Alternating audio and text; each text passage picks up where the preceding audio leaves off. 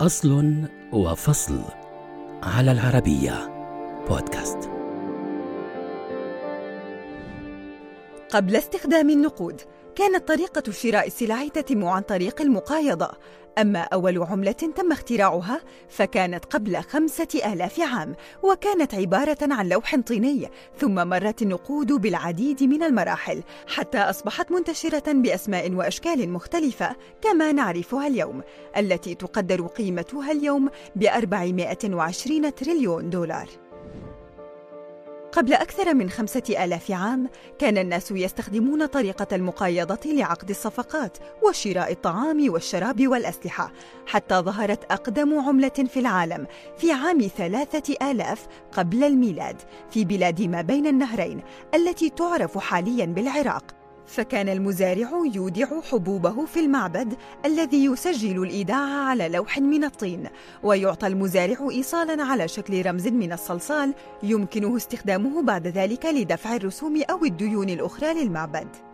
وفي عام 650 قبل الميلاد أنشأت مملكة ليديا المعروفة حاليا بتركيا أقدم دار لسك العملة المعدنية فاستخدمت العملات الفضية والذهبية المختومة لدفع رواتب الجيوش كما ساعدت عملة ليديا على زيادة أنظمة التداول الداخلية والخارجية مما جعلها واحدة من أغنى الإمبراطوريات في آسيا الصغرى وانتشرت العملة المعدنية في مطلع الألفية الأولى في آسيا وأوروبا وشمال أفريقيا وأصبحت تستخدم لشراء السلع.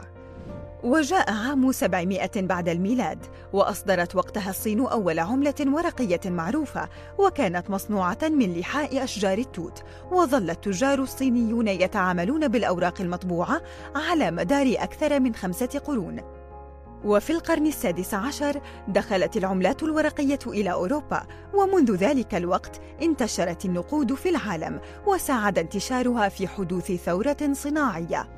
وفي عام 1946 قام المصرفي جون بيجنز الذي كان يعمل في بنك في بروكلين بإصدار أول بطاقة ائتمان باسم تارجت وساعد انتشار الإنترنت في ظهور فكرة الدفع الإلكتروني والتحويلات الإلكترونية والتجارة الإلكترونية عام 1997 لم يقتصر تطور النقود وتنوع أشكالها عند هذا الحد.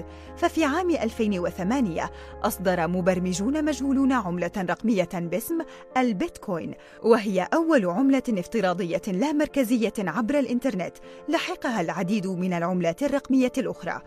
أما اليوم فقد عرفت النقود أشكالا وأسماء وقيمة مختلفة وأصبحت كل دولة تطلق عملتها الخاصة بها. وتقدر حاليا القيمة الإجمالية للنقود حول العالم بنحو 420 تريليون دولار.